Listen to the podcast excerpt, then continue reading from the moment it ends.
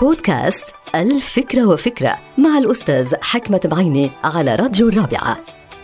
اليوم بدي أحكي عن الإشاعات أو الأقاويل لأنه أحيانا نسمع الناس عم تتكلم عن أخبار وأحداث ومواقف من دون أي دليل حسي أو قرينه تؤكد على صحة تلك الأقاويل. مثلا نقول سمعت أو حدا قال لي أو الناس عم تحكي عن خبر معين.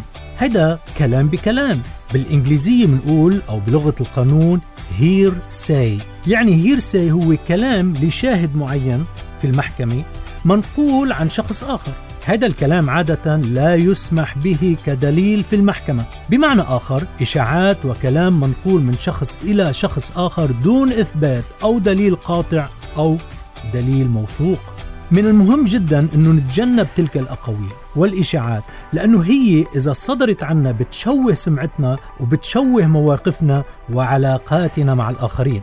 من هالمنطلق تمنع المحاكم بمختلف الدول والمجتمعات من اعتماد الأقاويل في الحكم على القضايا القانونية جزائية كانت أم مدنية. ولكن الأهم هو تأثير تلك الأقاويل على صحة العلاقات اللي بتربط الناس بعضها ببعض. كلمة دنت عندك مستويات الثقة أي ثقة الناس فيك. كما أن تلك الأقاويل تؤثر سلبا على سلامة المجتمع اللي أنت عم بتعيش فيه وبالأخص المجتمع القريب منك أي أصدقائك أقربائك وزملائك. ما بيعود حدا يصدقك. الأقاويل والإشاعات تزعزع الثقة تؤذي الآخرين وتؤدي أحيانا إلى ضرب السلم الأهلي. فمن لا يملك الدليل أو لم يسمع بنفسه الخبر مباشرة من شخص آخر لا يحق له أن يتداول بذلك الخبر عن سوء أو حسن نية. الأقاويل خطر كبير عليك والإشاعات خطر أكبر على المجتمع. انتهت الفكرة.